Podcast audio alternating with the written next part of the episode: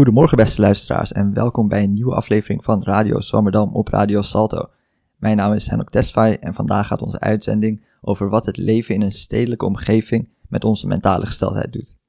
Op dit moment leeft meer dan 50% van de wereldbevolking in steden en dit aandeel wordt alleen maar verwacht te groeien. Klinkt als een goed ding, toch? Lekker met z'n allen van elkaars gezelschap genieten, grotere kans op werk en in de avond een biertje aan de, aan de gracht, mits ome Rutte toelaat natuurlijk. Maar naast deze zichtbare voordelen zijn er ook onzichtbare nadelen aan het stadsleven. Ik ga het hier vandaag over hebben met Maarten van den Ende en Lotte Brinkhoff. Zij doen allebei een PhD-onderzoek bij het Center for Urban Mental Health van de Universiteit van Amsterdam, uh, waar Maarten onderzoek doet naar de manier waarop verslaving en sociale netwerken elkaar beïnvloeden. En Lotte onderzoekt welke factoren de geestelijke gezondheid van senioren in de grote stad beïnvloeden en hoe we deze kunnen verbeteren. Welkom, goedemorgen Maarten, Lotte, leuk dat jullie er zijn. Uh, verder hebben wij later deze uitzending een column geschreven en ingesproken door, Lotte Sparre, uh, door Tessa Sparreboom, redacteur bij Propria Curus. En ook in het Zoom-gesprek vandaag zit mijn mede-presentator Marielle Doedens. Goedemorgen Marielle. Goedemorgen en ook. Dus um, we gaan het dus hebben over mentale gesteldheid in de stad. Marielle, wat, um, wat is jouw trucje als je je gestrest of overweldigd voelt door het stadsleven? Wat doe je dan? Oh, ja, dat, uh, dat is toch uh, gezelschap opzoeken. Ja, ja. Als ik me, als ik, uh, ja, als ik me overweldigd voel, dan, dan komt er een moment dat ik denk, oh ja, nee, volgens mij moet ik weer even wat mensen appen. Yes. Dus jij zoekt eigenlijk de drukte van de stad juist op. Ja, ja. Maar ik kan ook wel, als ik door Amsterdam fiets, dat ik denk, oh ja, nu even, dat, doe ik niet, dat doe je niet voor je rust natuurlijk, door Amsterdam fietsen. Dus dat je dan wel weer bij bent dat je even thuis bent. Yes. Uh, Maarten, Lotte, hebben jullie nog uh, tips of tricks? Wat, wat doen jullie als je gestrest voelt in de stad? Ik vind het juist eigenlijk wel heel erg fijn om, uh, om dan af en toe ook een beetje uh, de stad uit te gaan. En wat meer rustige gebieden op te zoeken. Naar het bos te gaan of de heide. En daar lekker wandelen. En uh, ja, misschien in deze periode doe je dat sowieso wat meer. Omdat dat uh, een beetje de uitjes zijn die je kan doen. Maar ook als je wel gewoon veel in de stad kan doen, vind ik dat wel lekker om af en toe te doen. Ja, ja, ja. En sporten natuurlijk, hè? Ik doe altijd sporten om mijn frustraties kwijt te raken. En of fietsen of klimmen. En dan yes. voel je je dan toch een stuk beter. Ja, ja, ja hier ook. Ja, sporten, uh, weer voor het eerst weer buitensporten afgelopen weekend na, na, de, na de kou.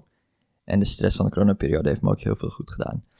Um, heb ik even een persoonlijke vraag aan jullie. Um, hoe zijn jullie terechtgekomen bij dit soort onderzoek? Bij het onderzoek naar uh, mental health, naar urban mental health, naar het uh, Center for Urban Mental Health? Um, nou, voor mij is het wel een gekke, een gekke route die ik gemaakt heb. Ik heb uh, natuurkunde gestudeerd en daarna computational science. Dus het is totaal een andere richting dan de psychologieafdeling waar ik nu zit. Um, maar juist omdat de Urban Center van Urban Mental Health um, wat meer interdisciplinair uh, wil doen, waren ze juist op zoek naar mensen met andere skillsets om uh, de kennis van beide kanten te combineren. Dus ik ben, toen ben ik dus gevraagd om deze PhD te doen. Yes. En Lotte, heb jij een soortgelijke achtergrond? Of, uh...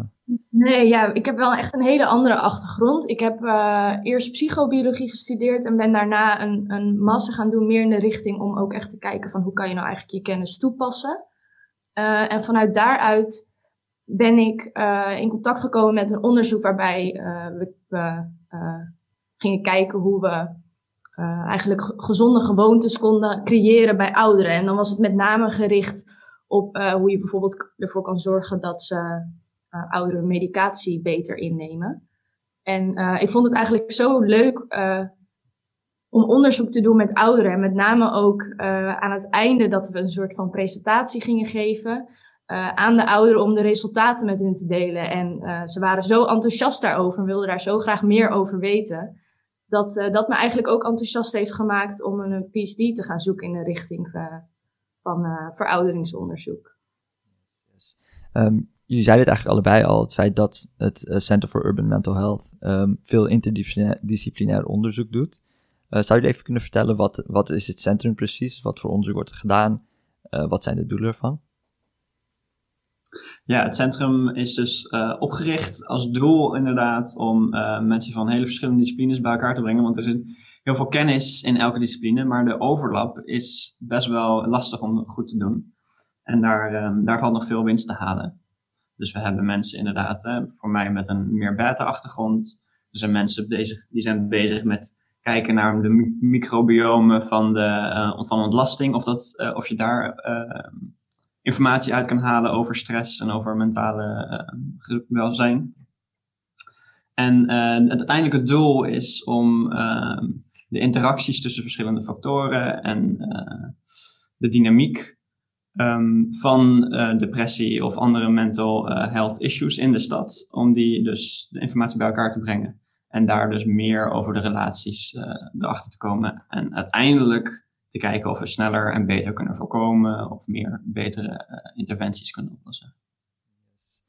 Um, en het centrum kijkt dus vooral naar urban mental health wat is dat precies? Dus wat is dat misschien in, ten opzichte van normaal mental health? Of hoe verschilt dat soort onderzoek? Ja, ik denk dat uh, het urban aspect hierin is, uh, richt zich met name op dat, uh, ja, dat de, de problematieken, die, de geestelijke problematieken om het zo maar even te noemen, dat die heel erg kunnen verschillen in steden en ja, minder stedelijke gebieden, dus op het platteland bijvoorbeeld. Um, dus er zijn best wel wat eerder onderzoek ook gedaan die laten zien dat uh, ja, de psychische problemen in de stad gewoon groter zijn. Um, dus dit, het centrum richt zich met name op het begrijpen van de problematieken in de stad. En uh, ja, alle factoren die daar mogelijk een bijdrage aan kunnen leveren. En uh, natuurlijk is het daarbij ook belangrijk dat je kijkt wat bijvoorbeeld het verschil is met minder stedelijke gebieden. Dus in die zin focust het centrum zich op de problematieken in de stad, maar kijkt ook zeker daarbuiten om juist die verschillen uh, duidelijker te begrijpen. Um, maar ik denk dat dat een beetje in het kort soort van ja, het, het, het urban aspect weergeeft. En waar, waar moeten we dan aan denken als we denken aan psychische problemen die misschien uniek zijn voor de stad of factoren of stressoren die in de stad misschien meer spelen dan daarbuiten? Ja, wat je dus wat heel voor de hand liggend is natuurlijk, is de drukte en, de en het lawaai natuurlijk. Um, en dan is er bij mij in onderzoek is er uh, over verslaving heb je natuurlijk hele andere.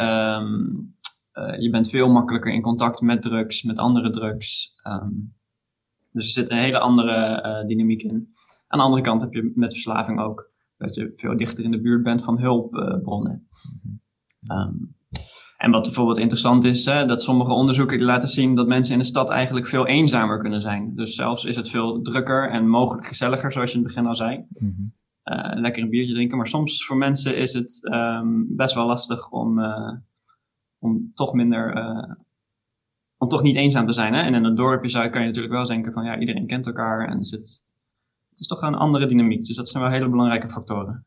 Ja, en ik denk ook dat dat wordt vaak een beetje onderbelicht, maar dat um, mensen die wat, misschien wat meer op zoek zijn naar hunzelf of een bepaalde baan of wat wil ik nou eigenlijk, dat die eerder naar de stad toe trekken, omdat daar in het, over het algemeen meer mogelijkheden zijn. Mhm. Maar dat het dus eigenlijk ook zou kunnen zijn dat ze al een soort aanleg hebben voor het ontwikkelen van die problematieken. Of in ieder geval, um, ja, dat ze misschien uh, al wat minder stabiel in het leven staan. En daardoor naar de stad toe trekken om dat eventueel op te kunnen lossen. Maar dat het natuurlijk ook de andere kant op kan gaan. Ja, ja, ja dus dat de stad dan ook uh, uh, meer triggers kan hebben tot het activeren van bepaalde vormen van um, ja. Ja, mentale problemen, zeg maar.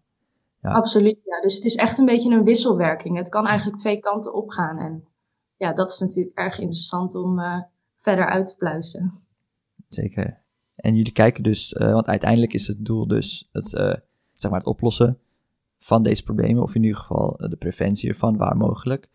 Um, dus er wordt dan ook gekeken naar wat voor positieve bijdragen, of wat zijn de, de positieve punten aan het wonen in de stad die juist kunnen helpen, die dit soort problemen juist kunnen verhelpen. Klopt dat?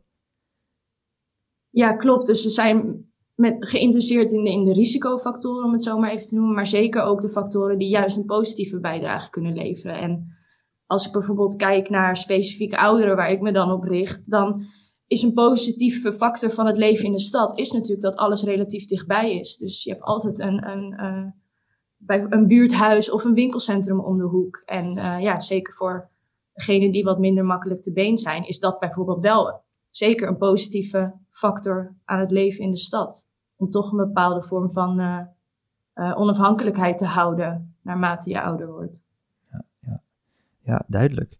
We gaan daar straks nog veel meer over praten, over jouw onderzoek. Maar Maarten, laten we even beginnen bij jou, bij jouw PhD-onderzoek. In de introductie gaf ik al een korte beschrijving van wat je, uh, wat je doet. Zou je het misschien in je eigen woorden nog kunnen uitleggen wat jouw onderzoek precies inhoudt? Um, zeker, zeker. Um, mijn onderzoek bestaat uit um, ja, computationele modellen maken. Waarbij ik een soort van virtuele wereld schep waarin mensen zich gedragen zoals wij denken dat dat ook in het echt gebeurt. Um, en die met elkaar omgaan en vrienden maken en, en eigenlijk uh, alles wat van belang is voor verslaving door uh, meemaken. En met, met zo'n model kan je, uh, kan je verschillende scenario's testen en kijken wat er allemaal zou gebeuren. En, wat, en kan je testen wat we denken dat er gebeurt. Met, een, met bijvoorbeeld het krijgen van verslaving. En als we uh, met een goede dataset kunnen we daarna kunnen we kijken of het klopt wat onze theorie uh, bedenkt. En dus of het klopt hoe dat dan eraan toe gaat. En ik kijk vooral naar um, wat, wat nog een beetje dus mist in, um, in de onderzoek naar verslaving is dat je sociale netwerk is ontzettend belangrijk. Uh, eerste sigaretje krijg je van een vriend, maar ook als je wil stoppen met alcohol, is support van je familie uh, van je vrouw bijvoorbeeld, is ontzettend belangrijk. En dit is iets wat een beetje dus een mix is tussen psychologie en uh, sociale social science. En die mix, dat is dus waar ik, wat vrij nieuw is en wat speciaal is aan mijn onderzoek. Want nu is het nog vrij, vaak vrij apart. En, um, en we denken dat je dus, omdat ze zo belangrijk zijn voor elkaar, hopen we achter veel nieuwe dingen te komen. Die dus een gevolg zijn van de interacties tussen de sociale netwerken en je eigen psychische uh, gesteldheid. Yes, ja, ja. En um, kijk dan bij het onderzoek ook misschien expliciet naar hoe deze dingen verschillen in een stedelijke omgeving? Of is dat eigenlijk automatisch al in de theorie opgenomen? Is dat al iets wat sowieso uit de data naar voren komt zonder dat je daar een schijnwerper op, op hoeft te. Uh, nou, er zijn inderdaad dingen die vanzelf uh, eruit komen. Je kan bijvoorbeeld denken aan uh, wat een groot verschil is tussen de stad en, en, en de niet-stad, is hoe je sociale netwerken in elkaar zitten. Een stad is natuurlijk veel groter, er zijn veel meer mensen die allemaal aan elkaar op één manier een connectie met elkaar hebben. Dus je hebt eigenlijk een heel ander sociaal, een andere vorm van je sociale netwerk. Bijvoorbeeld veel meer uh, verre kennissen of vrienden van vrienden. Dat is wat je in een dorpje is het allemaal wat meer geclusterd. Zit het allemaal wat dichter bij elkaar. Dus dat is een groot verschil. En een ander verschil wat we kunnen bedenken is natuurlijk um, als je kijkt naar uh, de stad worden er verschillende types drugs meer gebruikt dan in uh, dorpen. In dorpen heb je bijvoorbeeld veel GHB gebruikt, terwijl in de stad dat eigenlijk niet zo vaak voorkomt. Hier heb je misschien meer cocaïne wat er gebeurt. Dus daar, dat zijn ook verschillen tussen de stad en, en de rural gebieden. Ik heb nog één vraag over, over de methode. Want het is dus een soort computermodel, klopt dat? Ja. Waarin je dus een virtuele wereld hebt een soort Sims eigenlijk. Ja, ja nou, een soort Sims. Uh, alleen al een stuk versimpelen hoor. Het ziet er een stuk minder leuk uit ook. Beetje, je kan het een beetje voorstellen als allemaal. Um, uh, als je, als je een, ja, een netwerk voor je ziet, dus allemaal knopen en. wat is het andere? ties. Ik, ja, we zitten helemaal in het Engelse jargon natuurlijk. Mag. Dus knopen en connecties tussen verschillende knopen. En bij mij zou je dan een knoop is een, is een mens. En in die knoop zit ik, um, heb ik een model, een psychologisch model van hoe het eraan toe gaat um, in, in, in een psyche met bijvoorbeeld verslaving krijgen. Dus elk, elk knoop, elk mens heeft zijn eigen uh, staat waar hij in zit, eigen mentale uh, staat. En elke connectie, dat is dus, um, dus om te zorgen dat die knopen met elkaar verbonden zijn. En dan kan je bijvoorbeeld zien dat als je een, een knoop bent, een mens met veel alcohol, alcoholverslaafde connecties, dan is waarschijnlijk de kans groter dat jij ook wel vaak een drankje gaat drinken. Ja, oké. Zo kunnen we dus allemaal dynamiek erin zetten. Bijvoorbeeld ook als je, ehm, je begint niet zo verslaafd aan alcohol, maar je wordt op een gegeven moment ga je steeds meer drinken. Wat we verwachten dat er gebeurt, en dat moeten we nog testen, is dat je op een gegeven moment um, dat je vrouw bij je weggaat. Uh, en dat je eigenlijk veel minder vrienden en connecties hebt. Maar de connecties die je nog wel hebt, dat zijn toevallig ook alcoholisten. Dus dat, uh, en dat helpt natuurlijk helemaal niet mee als je wil stoppen met alcohol drinken. Want wat ga je nog doen dan? Dus ja. die, die, interacties, die denken we dat belangrijk zijn. En daar gaan we achteraan. En dan nog één ding. Je zei, dan, dan vergelijken we dat model met een dataset. Wat, wat is dat dan voor dataset? Nou, dat is een hele speciale dataset waar we nog niet uh, echt toege officieel toestemming hebben om dat te krijgen. Maar het idee is, en waarom is het ook best wel lastig om, uh, om die data te krijgen, is dat wij kijken naar wat er gebeurt over tijd met je sociale netwerk. Uh, als je langzaam in verslaafd raakt, dan is je bijvoorbeeld elk jaar bijvoorbeeld heb je langzaam minder vrienden bijvoorbeeld. Dus wat we nodig hebben is een dataset waarbij je dus uh, die over meerdere jaren gaat en die uh, waarin staat wie je vrienden zijn, wat je vrouw is of je kinderen hebt. Dus dat je al die connecties ook in kaart kan brengen. Dat is dan, zijn dus echte gegevens? Ja, en dat is de, dat is de dataset die we op zoek zijn. Yes, dus als we een, een zeg maar, korte beschrijving van hoe het onderzoek in elkaar zit, heb je dus in eerste instantie een dataset die bestaat uit allemaal informatie over sociale contacten en sociale netwerken van mensen. En je hebt dus een theoretische achtergrond, zoals je aan het begin zei volgens mij. Hè? Um, en dat is de psychologische, zeg maar, theorie achter wat de invloeden van zulke sociale netwerken zouden kunnen zijn. Klopt dat? Ja, dat klopt. Um, en wat, wat wel interessant hieraan is, is dat je met zo'n dataset kan je ontzettend veel. En je kan ontzettend veel connecties en relaties eruit halen. Het enige probleem is met die methode, is dat je, dat je eigenlijk niet, het is zo'n grote uh, berg met informatie, dat je eigenlijk niet zo goed weet welke nuttige informatie je eruit kan halen. Dus daarom uh, is onze manier is eerst beginnen met theorie. Dus met denken van hoe denken mensen nu dat het in elkaar zit? Wat is de psychologische wetenschap? Wat hebben ze al uitgevonden over hoe je in, uh, langzaam in verslaving raakt? En dan kunnen we dus met mijn modellen kunnen we kijken wat dat dan tot uh, gevolg zou hebben in je sociale netwerk en voor je, um, voor je uh, mentale gezondheid. En dat kunnen we dan uiteindelijk, dan maakt het model resultaten die we dan vergelijken met de dataset. Ja, ja. dus eigenlijk um, de, de, zeg maar de, de factor of het element wat toegevoegd wordt door zo'n model is de voorspellende kracht. Klopt dat? Ja, precies. Ja. Ja. En wat leuk is, is dat je dus scenario's kan bedenken. Je kan, je kan randvoorwaarden geven aan het systeem om dingen te testen die je uh, in het echt eigenlijk niet kan testen. Je kan, je kan bijvoorbeeld um, kinderen kan je geforceerd uh, sigaretten geven, kijken wat er gebeurt, weet je wel. Dat kan je in het echt natuurlijk niet doen, is niet handig. Maar je kan wel kijken wat er zou gebeuren in je computermodel. En dat zijn toch ideeën om te kijken bijvoorbeeld van hoe belangrijk bijvoorbeeld preventie in het begin is. dat ja, soort ideeën. Ja. Ja, want met dit model inderdaad, dat, dat, daar had ik zelf nog niet eens aan gedacht, zou je dus inderdaad ook kunnen kijken welke factoren kan ik aanpassen om bepaalde negatieve um, gevolgen eigenlijk terug te draaien of te voorkomen. Klopt dat? Ja, precies. Dus dat is uiteindelijk inderdaad ook het doel. Om te kijken van wat is nou eigenlijk uh, een efficiënte manier om mensen hierbij te helpen. En uh, veel mensen hebben verschillende situaties. Uh, je kan bijvoorbeeld denken aan een hele eenzame iemand die, die verslaafd is aan alcohol bijvoorbeeld, die zou waarschijnlijk veel meer geholpen worden om eerst een goed, gezond sociaal netwerk te krijgen, goede vrienden te hebben. En dan misschien haalt vanzelf wel die alcohol op. Terwijl je ook een high-functioning alcoholic kan, uh, kan hebben, die uh, gewoon uh, vrouw en kinderen heeft. En dat is eigenlijk helemaal geen probleem. Zijn probleem ligt bijvoorbeeld veel meer in dat hij echt moet stoppen met met alcohol drinken. Ja. Nou, en dus meer de persoonlijke, die persoonlijkheid, omdat verslaving zo complex is, moet je dus ook wel heel erg kijken naar wat voor situatie zitten mensen in en hoe kan je ze helpen. En hier ook hierbij kan een model natuurlijk veel informatie bieden. Yes. Um, nou, je zei eerder al dat, uh, dat een van de voorbeelden um, die je noemt aan factoren die, waar je naar kijken zijn dingen als de beschikbaarheid van drugs, wat voor soort drugs er wordt gebruikt. Um, nu merken we eigenlijk dat uh, ontwikkelingen van dingen als internet en sociale media het misschien steeds makkelijker maken om aan drugs te komen. Ook voor mensen die hier misschien in het verleden niet echt toegang tot hadden.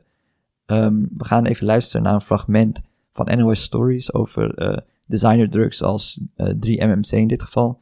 En hoe makkelijk dit tegenwoordig te verkrijgen zijn. We noemden er net al een paar, maar voor zover bekend zijn er in totaal wel 800 verschillende soorten designer drugs. Vaak worden die trouwens wel heel anders genoemd, bijvoorbeeld nieuwe psychoactieve stoffen of research chemicals. Ze heten zo omdat sommige van die designerdrugs in het begin helemaal niet bedoeld waren als drugs, maar bijvoorbeeld voor onderzoek naar medicijnen en daarom zijn ze ook niet verboden. Maar al snel werd ontdekt dat je deze legale stoffen ook als drugs kunt gebruiken en dat ze qua effect erg lijken op dat van ecstasy of cocaïne. Het op die manier verkopen mag niet zomaar. En daarom zeggen verkopers erbij dat het niet de bedoeling is om het in je lichaam te stoppen, maar bijvoorbeeld om je planten sneller te laten groeien. En daarom kun je het dus gewoon online bestellen. Ja, en je kan je misschien wel voorstellen dat sommige mensen denken: legale drugs, hier is geld mee te verdienen. Wij spraken met twee handelaren van de stof 3-MMC. Wij verkopen voornamelijk hier 3-MMC, eh, kristal en poeder. Je kunt via WhatsApp bestellen, maar het makkelijkste is om gewoon je bestelling te plaatsen via de webshop. Uh, ja, dat doen we netjes in een envelop met uh, bubbeltjes plastic. En vervolgens wordt het netjes ingepakt en dan uh, gaat het naar de klant toe. Zou je in theorie ook als minderjarige bij jullie dit kunnen bestellen? We hebben in onze algemene voorwaarden wel staan dat je 18 moet zijn. Als je het koopt en je gaat het gebruiken, dan kan je beter wel even iets op leeftijd zijn. Op jullie website kunnen jullie dat moeilijk controleren, denk ik. Ja. Uh, dus het zou wel kunnen dat het minderjarigen zijn. Ja, zou eventueel kunnen. Ja, het zou kunnen, ja. Ja, wij kunnen dat ook niet controleren, maar de meeste mensen die onder deze doelgroep vallen, dat zijn over het algemeen ook wel wat ouderen die aan experimenteren. Ja, hoeveel verkopen we ervan? Ja, dat is prima uh, wat je eraan kunt verdienen. Het is niet uh, dat je er uh, stinkend rijk van wordt, maar het is wel een prima salaris. En wat betreft de bedragen en dergelijke hou ik gewoon in het midden. Ja, daar ga je natuurlijk naartoe.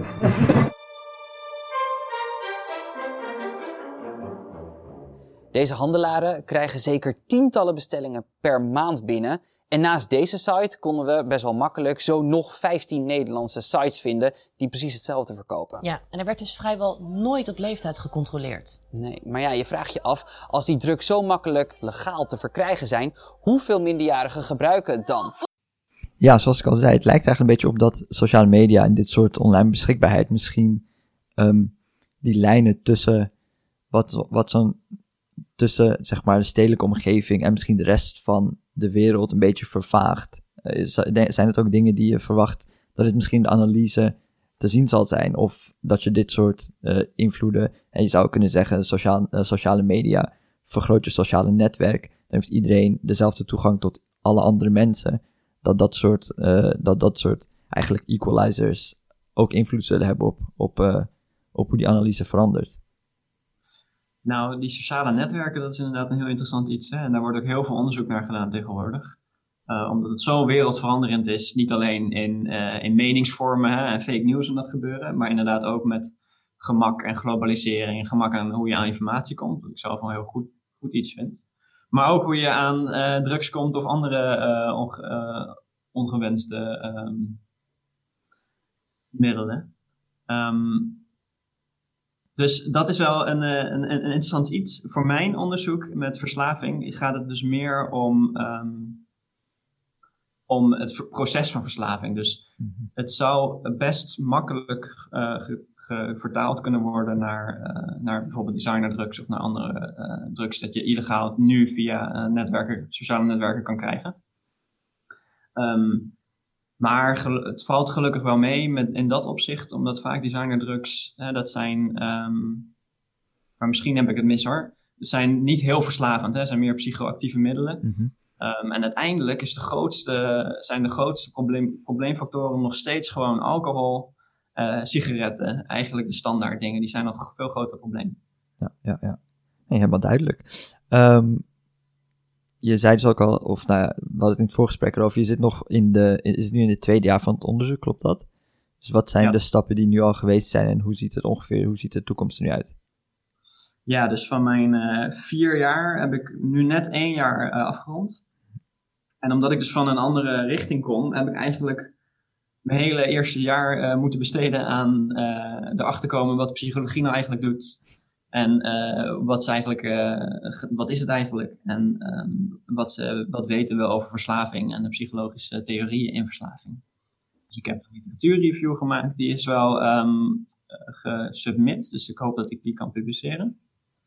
Um, maar verder ben ik dus inderdaad pas vrij recent meer bezig met de dataset krijgen, meer bedenken van welke vraagstukken willen wij specifiek uh, gaan bekijken. Uh, dus eigenlijk komt het meest leuke van mijn PhD, die komt er nu nog aan. Yes, en zijn er al dingetjes, hebben jullie al dingen gezien of heb je al enige, enige idee over wat de mogelijke hypothese kan zijn of, of ja, het tipje van de sluier? Ja, wij zitten dus nog geen specifieke ideeën, uh, maar we zitten dus heel erg te kijken aan, aan wat voor effecten die sociale netwerken dus hebben met uh, je psychologische uh, dynamiek. Dus vraagstukken die, die we willen gaan bekijken is bijvoorbeeld van welke invloed heeft het dat je sociale netwerk verandert als je bijvoorbeeld meer alcohol gaat drinken. Um, is het eigenlijk wel belangrijk? Um, en ook vraagstukken zoals um, wat, is nou, wat is nou een efficiënte manier om te kijken hoe je kan helpen mensen eruit te halen. Dus is dat, en hoeveel hangt dat dus af van je sociale netwerk?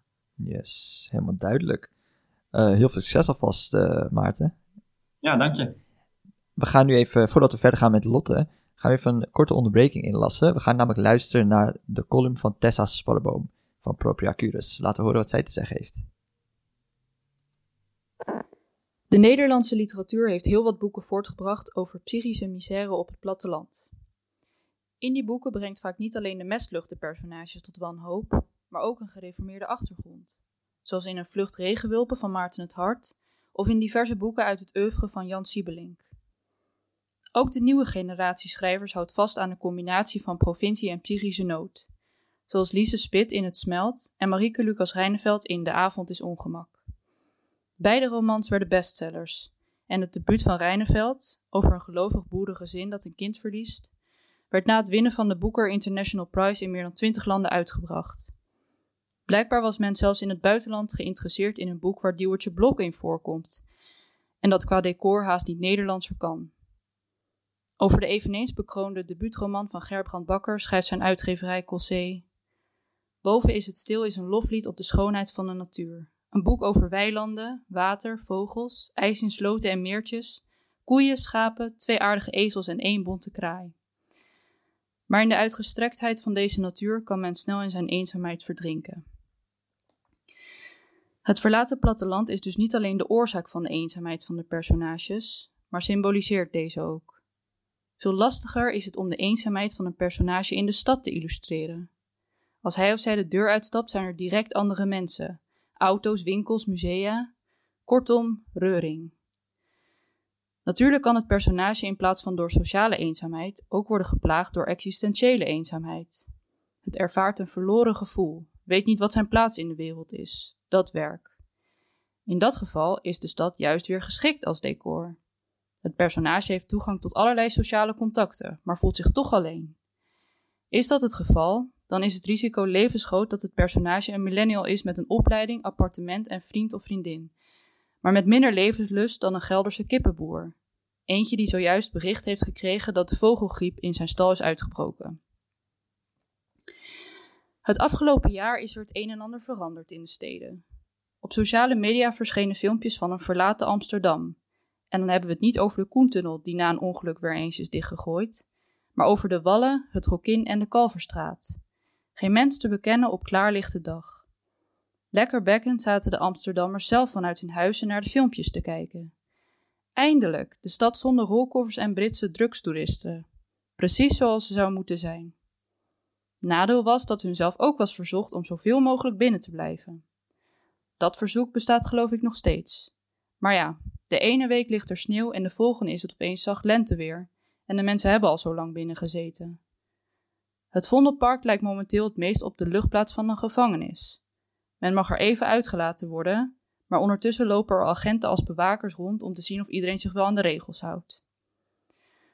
Hoewel men steeds meer naar buiten komt, het zij om een rondje te wandelen of om te raven in het park, is het duidelijk dat een groot deel van de stadsbewoners wordt geconfronteerd met een probleem dat ze in de stad dachten te kunnen omzeilen: sociale eenzaamheid.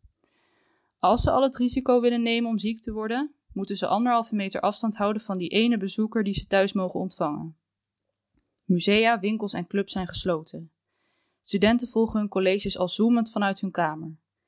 Het lijkt kortom wel een roman van Rijneveld, maar dan zonder de koeien. Nog eenzamer dus.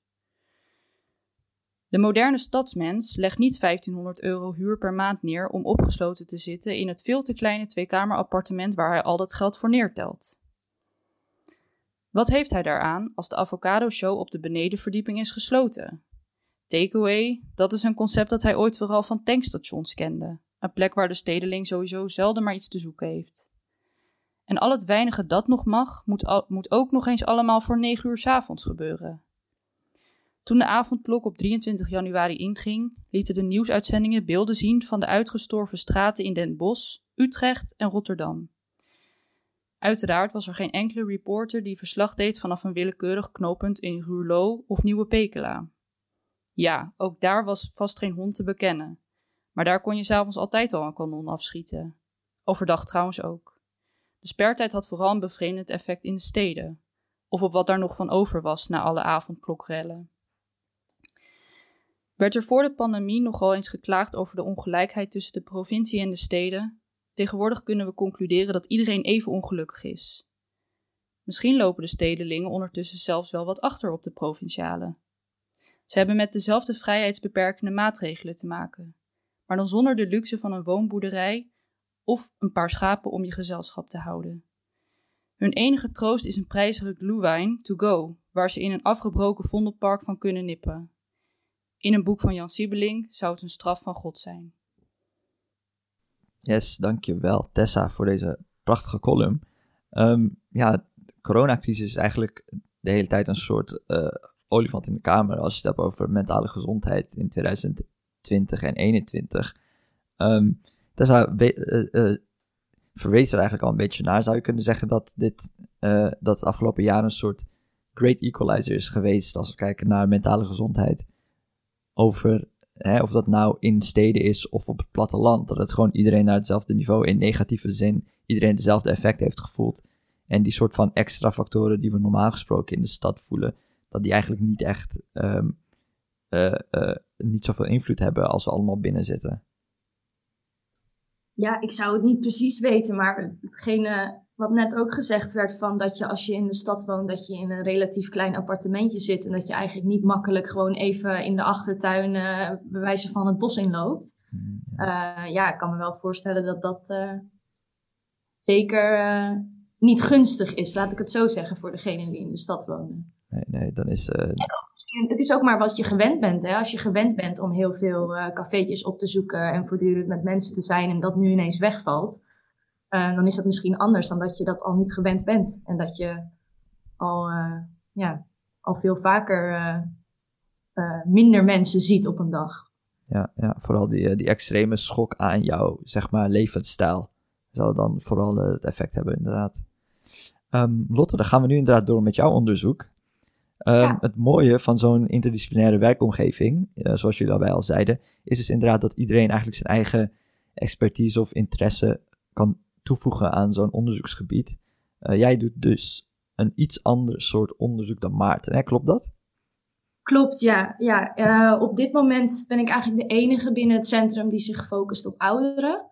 Uh, dat heeft ook te maken met het feit dat de problematieken waar we naar kijken, zoals Maarten bijvoorbeeld verslaving, um, vaak ook op jonge leeftijd al nou, eerst als eerste naar, naar voren komen, als het ware. Dus het is ook heel belangrijk natuurlijk om daar al op jonge leeftijd dan naar te gaan kijken. Maar dat betekent natuurlijk niet dat uh, ouderen ook uh, bepaalde uh, problematieken hebben die belangrijk zijn om wat beter te onderzoeken. Um, dus ja, waar, wat je natuurlijk, wat onvermijdelijk is als je ouder wordt, is dat je met bepaalde veranderingen en um, uitdagingen te maken krijgt. Of dat nou is dat je fysiek of cognitief wat meer achteruit gaat. dan wel dat de kans groter is dat je bijvoorbeeld je partner of goede vriend verliest. Ehm, en dat kan uh, uiteraard tot uh, ja, verschillende problematieken leiden, zoals eenzaamheid of depressie. Wat vooral onder ouderen toch wel een, uh, een veel voorkomend iets is. En ja, dat is eigenlijk waar, waar ik met mijn onderzoek ook wat meer op wil richten. En dan met name um, niet per se te kijken naar van ja, de, de factoren van die nou eenmaal veranderen als je ouder wordt. Mhm. Maar meer om te kijken, uh, zijn er factoren die ondanks die veranderingen en uitdagingen kunnen helpen om toch een goed niveau van kwaliteit van leven te houden. Um, dus het gaat daar natuurlijk om, om mentaal welbevinden, maar ook um, ja, om ervoor te zorgen dat gevoelens van eenzaamheid en depressie eigenlijk uh, ja, gereduceerd kunnen worden, om het zo maar even te zeggen. Um, want ja, het betekent natuurlijk niet dat als je bepaalde fysieke ongemakken ervaart, dat dat ook meteen je kwaliteit van leven zou uh, moeten beïnvloeden, om het zo maar even te zeggen. Het gaat er meer om, ja, je moet ermee leren omgaan en hoe doe je dat dan? Uh, en met mijn onderzoek willen we voornamelijk kijken naar welke factoren kunnen daar een positieve bijdrage aan leveren. En op die manier eigenlijk ja, zowel weerstand tegen die veranderingen, maar ook veerkracht uh, te verbeteren. Yes. Um, ik, ik dacht toen ik uh, voor het eerst af jouw onderzoek hoorde, of uh, wanneer ik meer hoor over onderzoek naar uh, senioren die kampen met problemen, um, zijn problemen niet al bekend. Dus de eerste waar veel mensen misschien aan denken en misschien ook al zelf meemaken, is eenzaamheid, inderdaad. Um, maar we zien al veel initiatieven om contact te maken met senioren, om dat makkelijker te maken. zo heb je dus bijvoorbeeld Oma Post, waarbij mensen um, met een app, één druk op een knop, een foto als soort van aanzichtkaartje naar een oma kunnen sturen. Of je hebt um, van die uh, body-initiatieven waar je één keer in de week met een ouder, met een senioren, zeg maar, op stap gaat om, uh, om, om die uh, ja, kennis te laten maken met jou en de buitenwereld, zou je kunnen zeggen. Um, ja. Zien we dan heel veel dingen over het hoofd? Of hebben deze, hebben deze initiatieven gewoon geen effect? Is het te simpel nagedacht? Nou, nee, dat zeker niet, want die initiatieven zullen zeker effect hebben. Um, want het klopt dat, we, dat er veel bekend is over de soort problematieken die er bij ouderen zijn, waar eenzaamheid inderdaad een heel goed voorbeeld is. Um, waar nog wel veel bij te halen valt, is meer het, het uh, in kaart brengen van de risicofactoren, die dus bijvoorbeeld leiden tot eenzaamheid, en factoren die dat meer kunnen, de, juist kunnen ver, uh, verminderen. Um, en sociale contacten is natuurlijk een belangrijk uh, aspect. Maar je, eigenlijk willen we met dit onderzoek ook nog even een stapje terug. Natuurlijk zijn sociale contacten belangrijk, maar het onderhouden van bijvoorbeeld een sociaal netwerk, dat is al een uitdaging op zich als je uh, ouder wordt. Dus je kunt ook gaan nadenken over factoren die bijvoorbeeld meer ingaan op uh, self-management. Um, en daar gaat het dus om van hoe kan je eigenlijk preventief al nadenken over bepaalde technieken of strategieën om je sociale netwerk zo ja, um, goed mogelijk te houden, om het zo maar te zeggen. Dus je kan bijvoorbeeld nadenken over um, dat het belangrijk kan zijn um, dat je niet alleen één goede vriend hebt, maar meerdere. Want als je ouder wordt, is de kans groter dat eventueel die vriend te overlijden komt. Um, en dat zou dan direct kunnen betekenen dat iemand zich inderdaad heel eenzaam gaat voelen. Terwijl als je meerdere vrienden hebt, zou dat, er al, zou dat al een soort van uh, ja, beschermende factor kunnen zijn in die zin. Om eenzaamheid te kunnen voorkomen op latere leeftijd. Dus het klopt inderdaad dat er veel bekend is over de problematieken zelf. Maar het samenspel tussen allerlei verschillende factoren die dat eigenlijk zouden kunnen voorkomen. Um, daar is nog zeker veel over te uh, bij te halen. En dat is ook waar we met dit onderzoek ons heel erg op willen richten. Van, er zullen ontzettend veel factoren zijn die een positieve bijdrage kunnen leveren. Maar hoe werken die factoren nou eigenlijk op elkaar in? En hoe kan het samenspel van die factoren een positieve dan wel negatieve bijdrage leveren? Want het is interessant om uh, meer beschermende factoren te onderscheiden. Maar tegelijkertijd ben je natuurlijk ook geïnteresseerd. Wat zijn nou eigenlijk de risicofactoren? En hoe hangen die misschien wel samen met beschermende factoren? Dus um, ja, het is eigenlijk nog even een, soort van stapje terug. En als je dat soort factoren kan identificeren, dan zou je daar ook uh, veel gerichter uh, op kunnen inspringen. Door bijvoorbeeld te kijken hoe kunnen we zulke self-management vaardigheden um, bij wijze van uh, verbeteren bij ouderen. Ja, ja. Um, en um, hoe, zit, hoe zit onderzoek praktisch in elkaar? Dus hoe gaan jullie te werk? is dat gebaseerd op doe je ook een, een, maak je ook een computational model zoals Maarten doet? Of is het puur gebaseerd op uh, vragenlijsten? Hoe, hoe, werkt het precies? Ja, zo het eerste deel van het onderzoek is dus met name het in kaart brengen, waarna we later uh, met die informatie wat meer gericht willen kijken hoe kunnen we nou bepaalde factoren verbeteren bijvoorbeeld. Uh, en om dat te doen uh, zijn we in eerste instantie op zoek naar een hoop aantal senioren, um, 10.000, um, die een aantal vragenlijsten willen invullen. het zijn vragenlijsten en wat soort psychologische cognitieve taakjes die ze uh, ja, online, dus geheel vanuit huis kunnen invullen. En met al die informatie uh, willen we vervolgens een netwerk uh, gaan schatten. En dat sluit een beetje aan wat, waar Maarten het net over had, over het sociale netwerk. Maar in plaats dat wij willen kijken naar echt, echte interacties tussen mensen, um, zijn wij met name geïnteresseerd tussen de interactie van verschillende factoren. Dus in plaats van dat een knoop in een netwerk een, een mens voorstelt, is dat bijvoorbeeld een factor. Dus zo zou je in dat netwerk bijvoorbeeld een verbinding zien tussen eenzaamheid en depressie, waarbij de connectie daartussen eigenlijk aangeeft hoe sterk die factoren aan elkaar gerelateerd zijn. En door alle informatie die we verzamelen aan de hand van die uh, vragenlijsten en testjes, eigenlijk bij elkaar in één netwerk te stoppen, kan je heel duidelijk zien op welke manier bepaalde factoren aan elkaar gerelateerd zijn. En zou je dus ook kunnen zien hoe bij, bijvoorbeeld een factor van uh, zelfmanagement, vaardigheden, hoe dat via misschien wel andere factoren een positieve bijdrage zou kunnen leveren aan uh, kwaliteit van leven. Dus het is een hele uh, handige techniek, maar ook heel erg visueel gericht, wat natuurlijk heel aantrekkelijk ook is, is dat je eigenlijk in één oogopslag zou kunnen zien op welke manier en hoe factoren aan elkaar gerelateerd zijn.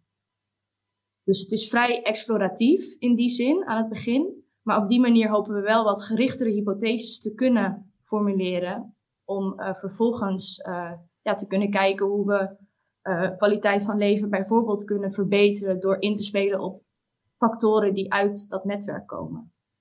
Ja, ja, dat klinkt nu, als ik het nu uh, voor me zie, zeg maar visueel, dan, uh, dan zie ik eigenlijk een, grote, uh, een soort groot woordenweb met lijntjes ertussen. maar ik kan me voorstellen dat met zoveel verschillende factoren die je uit zo'n vragenlijst kan halen, dat gewoon één grote woordenbrei wordt. Is dat, categoriseren jullie die factoren nog op een bepaalde manier? Of is het gewoon dat als je kijkt welke, welke factor heel veel verbinding heeft, dat je die gewoon even naar buiten haalt en daar verder op, uh, op in kan gaan? Of hoe... Ja, dat is een goede vraag. Nou, in eerst, eh, eigenlijk uh, pakken we dat een beetje op twee manieren aan. Het eerste is dat we het netwerk op zo'n manier schatten dat je alleen um, dat je alleen een verbinding ziet tussen knoop A en B bijvoorbeeld, gegeven de alle andere knopen. Dus dat wil eigenlijk zeggen dat je alleen een verbinding ziet um, als uh, er gecorrigeerd is voor alle andere informatie in dat netwerk. Dus het kan ook zijn dat je, als je kijkt naar drie knopen, A, B, C, dat uh, A, B en C, dat A en B aan elkaar gekoppeld zijn en B en C ook, maar A en C niet. Dat betekent niet per se dat A en C niet aan elkaar gerelateerd zijn, maar je kan daaruit wel opmaken dat de uh, verbinding van A en C eigenlijk via factor B loopt. Dus op die manier krijg je al in ieder geval wat minder connecties waardoor het een iets minder een woordenweb wordt en je ook iets duidelijker kan um, zien op welke manier factoren aan elkaar gerelateerd zijn, om het zo maar te zeggen. En vervolgens gaan we inderdaad ook kijken naar meer clusters. Dus um, dat je bijvoorbeeld je richt op een, op een uh, specifiek onderdeel uh, van het netwerk mhm. en dat verder gaat uitzoomen. Dus als je bijvoorbeeld naar kwaliteit van leven kijkt uh, en de manier waarop dat uitgevraagd wordt als het ware, dan is dat een vrij algemene knoop kwaliteit van leven. Terwijl dat je daar ook nog zes verschillende onderdelen bij kan onderscheiden. Ja. Um, maar dat is iets wat je dan in een soort van kleinere analyse zal gaan doen. Om echt wat, wat dieper in te gaan op kwaliteit van leven zelf bijvoorbeeld. Terwijl dat je in het meer algemene netwerk dat als, als één geheel ziet. Ja, ja. Uh, en um, die 10.000 ouderen waar je het over had, zijn dat allemaal senioren uit de stad? Um, nee, zo, dus um, waar wij met name ook geïnteresseerd in zijn, is uh, het verschil tussen de stad, uh, de stad en het platteland, of nou, minder stedelijke gebieden. Dus factoren in dat netwerk zullen ook zijn, bijvoorbeeld de hoeveelheid groen in een omgeving, of de gemiddelde afstand tot de supermarkt. Dus uh, wat we doen bij die vragenlijst eigenlijk, is dat we uh, oproepen dat alle senioren van 55 plus mee kunnen doen. En vervolgens vragen we ook hun postcode uit. Die we, um, waar, en die ja, postcode gebruiken we om meer omgevingsgerelateerde data te kunnen koppelen aan andere data die uh, zeg maar in het onderzoek worden uitgevraagd. Dus wat we dan kunnen doen is bijvoorbeeld directe relatie tussen um, depressieve gevoelens en de hoeveelheid groen in de omgeving te kunnen bekijken. En ja, om, om zo'n relatie te kunnen bekijken, moet je natuurlijk genoeg variatie hebben. En is het dus ook belangrijk dat je mensen eigenlijk uit heel het land um, binnen je onderzoek kan includeren. Omdat je dan pas echt die, die uh, ja, individuele verschillen, om het zo maar even te zeggen, kunt bekijken. Yes, en worden deze, dus zeg maar bij, uh, bij dingen als omgeving, wordt eigenlijk expliciet uh, geprobeerd om, uh, om dat erbij te betrekken, zeg maar, door middel van bijvoorbeeld een postcode. Maar veel andere, misschien demografische verschillen, zijn dat dingen die, die eigenlijk door middel van het invullen van die vragenlijst al, automatisch al als factoren in zo'n web worden gescheiden van elkaar? Of, of wordt dat nog expliciet, zeg maar, benadrukt door jullie? Uh, nee, zeker. We vragen, um, we vragen genoeg dingen uit die, uh, die daaraan gerelateerd zijn. Bijvoorbeeld sociaal-economische status. Of, um, uh, nou ja, daarin zit natuurlijk ook opleidingsniveau, um, inkomen, überhaupt de arbeidsstatus. dat soort dingen vragen we ook zeker uit en wordt ook onderdeel van dat netwerk. Dus op die manier zou je ook kunnen kijken of bijvoorbeeld een sociaal-economische status uh, invloed heeft op, uh, op alle factoren die uh, ook meegenomen worden. Um, maar daarnaast zouden we ook nog, dat zou dan ook nog wat soort van exploratievere analyses zijn. Kijken of er bijvoorbeeld verschillen zijn überhaupt in de samenhang van die factoren tussen mensen um, met een Nederlandse achtergrond of een, um, met een migratieachtergrond. Dus ja, dat soort analyses zou je ook nog kunnen doen. Dus er zijn wat dat betreft heel veel mogelijkheden. Ja, dus dan zou je, eh, dan zou je eigenlijk, um, zeg maar, de, de, de nee, het zijn geen proefpersonen, in ieder geval de mensen die vragenlijst hebben beantwoord, de senioren, uh, zou je dus al voordat je een analyse doet kunnen scheiden en dan gewoon twee analyses runnen op twee verschillende doelgroepen, zeg maar. Ja, dat zou inderdaad kunnen, ja. Dus het is natuurlijk al bijvoorbeeld, als je het meer over de, de stad hebt, het zou al interessant zijn om, om verschillende netwerken te schatten voor de mensen die in de, in de stad wonen of daarbuiten. Um, maar je zou het ook als, um, als, als knoop in je netwerk mee kunnen nemen. Dus wat, ja, dat, zijn verschillende manieren om er naar te kijken. En dat zal op, ja, weer net weer wat andere informatie opleveren. Maar in eerste instantie zijn we ook met name echt geïnteresseerd in de meer, ja, wij noemen dat urban factors. Mhm. Dus de verschillen, meer echt de de objectieve verschillen tussen de stad en het platteland. En omdat dat eigenlijk meer informatie kan opleveren dan alleen te kijken naar wat is het verschil tussen de stad en het platteland. Want dan weet je eigenlijk nog steeds niet waar dat verschil dan precies in zit. Terwijl als je die specifieke factoren gaat bekijken, dan kan je al iets, ga je iets dichter tegen richting uh, dat je ook kan verklaren waarom bepaalde verschillen uh, eigenlijk aanwezig zijn. Ja. En ik, ik was nog benieuwd, um, als je het over ouderen hebt in de stad en je vergelijkt dat met jongeren. Ik kan me voorstellen dat uh, ouderen al, al vele jaren in een stad wonen en daar ook hun sociale netwerk hebben. En dat dan anders is dan wat Maarten vertelde of over jongeren of die, die op zoek zijn naar zichzelf. Uh, dat die situatie heel anders is. Ja, kijken jullie daar ook naar? Ja, nee, dat is zeker een goede. Het is ook niet. Um, ik ben daar ook heel erg benieuwd naar in die zin, omdat er nog niet ontzettend veel onderzoek naar gedaan is. In de zin van. Uh, in, ja, in hoeverre het leven in de stad een positieve dan wel negatieve bijdrage aan ouderen levert. Want um, wat ik aan het begin ook al een beetje zei, er zijn natuurlijk best wel veel voordelen aan de stad die met name voor ouderen positief kunnen zijn. Um, al is het maar dat, dat een, een ziekenhuis relatief dichtbij is. Of uh, wat ik net ook zei, de buurthuizen bijvoorbeeld, wat natuurlijk sociaal gezien een hele positieve bijdrage kan leveren. Maar um, ik denk dat nog steeds de soort van de eenzaamheid die toch uh, heerst binnen meer stedelijke gebieden, dat dat ook bij ouderen toch een, uh, een, ja, een, een factor kan zijn. Dat ja, je iets minder hoewel er meer mensen zijn, toch iets minder sociale controle hebt. Dus dat ouderen misschien toch sneller eenzamer worden zonder dat mensen dat, dat doorhebben. Juist omdat er veel mensen zijn en verwacht wordt van er zijn genoeg mensen die je kan contacten. Dus uh, ja, dat lost zich vanzelf wel op.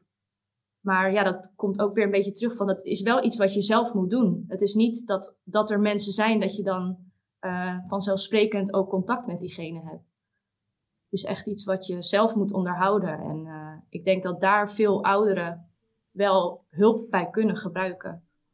Ja, ja. Um, je zei al een beetje iets over um, dat de resultaten hiervan kunnen helpen bij bijvoorbeeld het, uh, ja, je zou kunnen zeggen bij een empowerment van senioren. Klopt dat? Hoe, hoe moet ik dat zien? Hoe zou dat, uh, um, hoe zou, hoe zou dat ze kunnen helpen?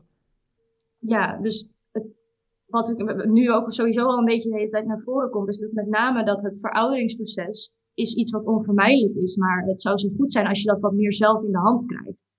Um, dus dat je ondanks die, die uitdagingen en veranderingen waar ik het al over had, dat je toch op een bepaalde manier dat zelf in de hand houdt en daar dus ook een positieve draai aan kunt geven.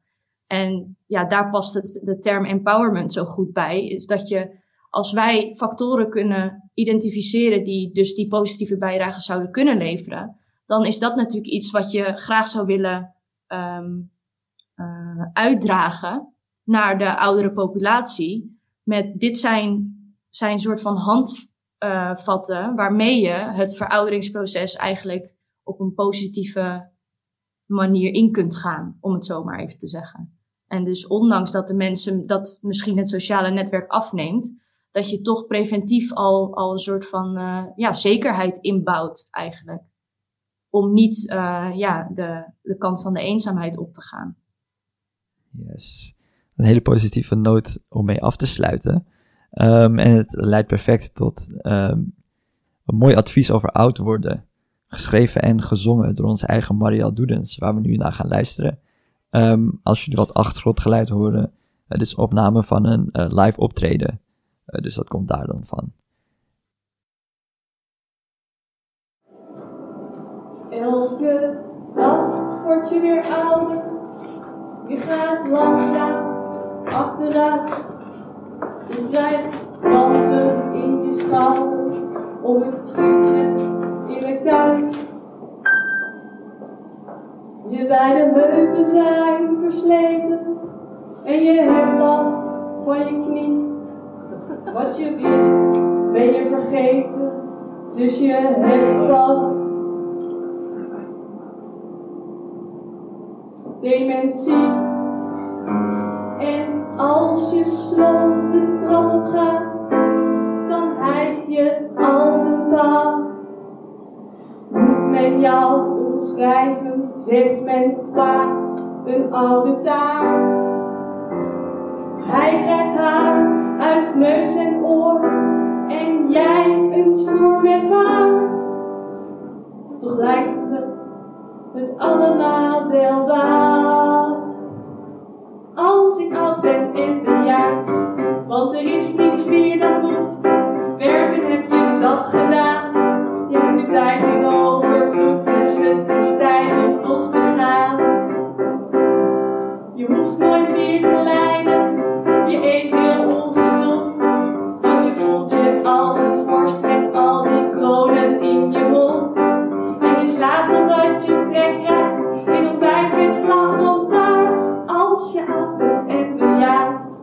als je haalt bent en bejaard.